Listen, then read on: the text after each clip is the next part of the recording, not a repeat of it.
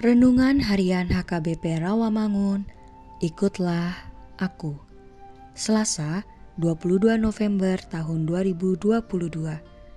Dengan judul Keampuan Kekuatan Tuhan Melawan Segala Godaan. Bacaan pagi kita pada hari ini diambil dari Lukas 22 ayat 31 sampai 38.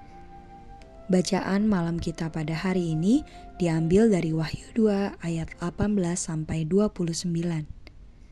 Dan kebenaran firman Tuhan pada hari ini diambil dari 1 Samuel 12 ayat 24 yang berbunyi, Hanya takutlah akan Tuhan dan setialah beribadah kepadanya dengan segenap hatimu.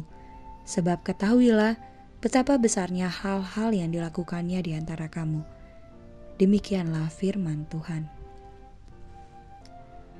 Sahabat, ikutlah aku yang dikasihi Tuhan Yesus.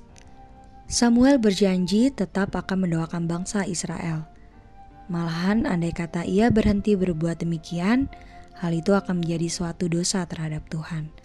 Sebab doa syafaat adalah tugas yang mulia bagi imam-imam dan nabi-nabi, seperti yang kita dengar tentang pada masa Yeremia, dosa bangsa Israel begitu berat, sehingga nabi itu tidak boleh mendoakan mereka lagi. Akan tetapi, Samuel tidak hanya akan mendoakan mereka saja, mewakili bangsa Israel di hadapan Allah, melainkan juga akan mengajarkan jalan yang baik dan lurus kepada mereka, berkata atas nama Allah kepada bangsanya. Jelaslah bahwa Samuel tidak bermaksud mengundurkan diri sama sekali melainkan tetap memegang jabatan imam dan nabi. Hanyalah tugas memimpin dan menghakimi diserahkan kepada raja. Akhirnya ia menegur orang Israel sekali lagi, supaya setia berbakti kepada Tuhan dengan segenap hatinya. Karena jika mereka terus melakukan kejahatan, baik bangsa maupun raja akan lenyap. Ancaman ini menunjuk kepada akhir kitab Raja-Raja yang kedua – Sekalipun Saul kini menjadi raja Israel, Samuel selaku nabi Allah tetap memanggil raja dan rakyatnya untuk berjalan di jalan Allah. Sebagai nabi yang mewakili Allah dan firman-Nya, ia berdiri terpisah dari Saul dan semua raja di masa depan sebagai juara Allah. Raja-raja Israel harus tetap tunduk kepada kekuasaan, ajaran, dan teguran Allah yang disampaikan melalui para nabinya.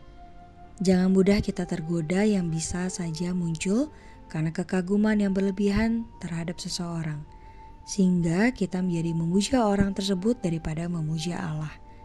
Waspadalah terhadap godaan, lawanlah godaan dengan kekuatan yang dari Allah, karena hanya Dialah sumber kekuatan kita. Amin.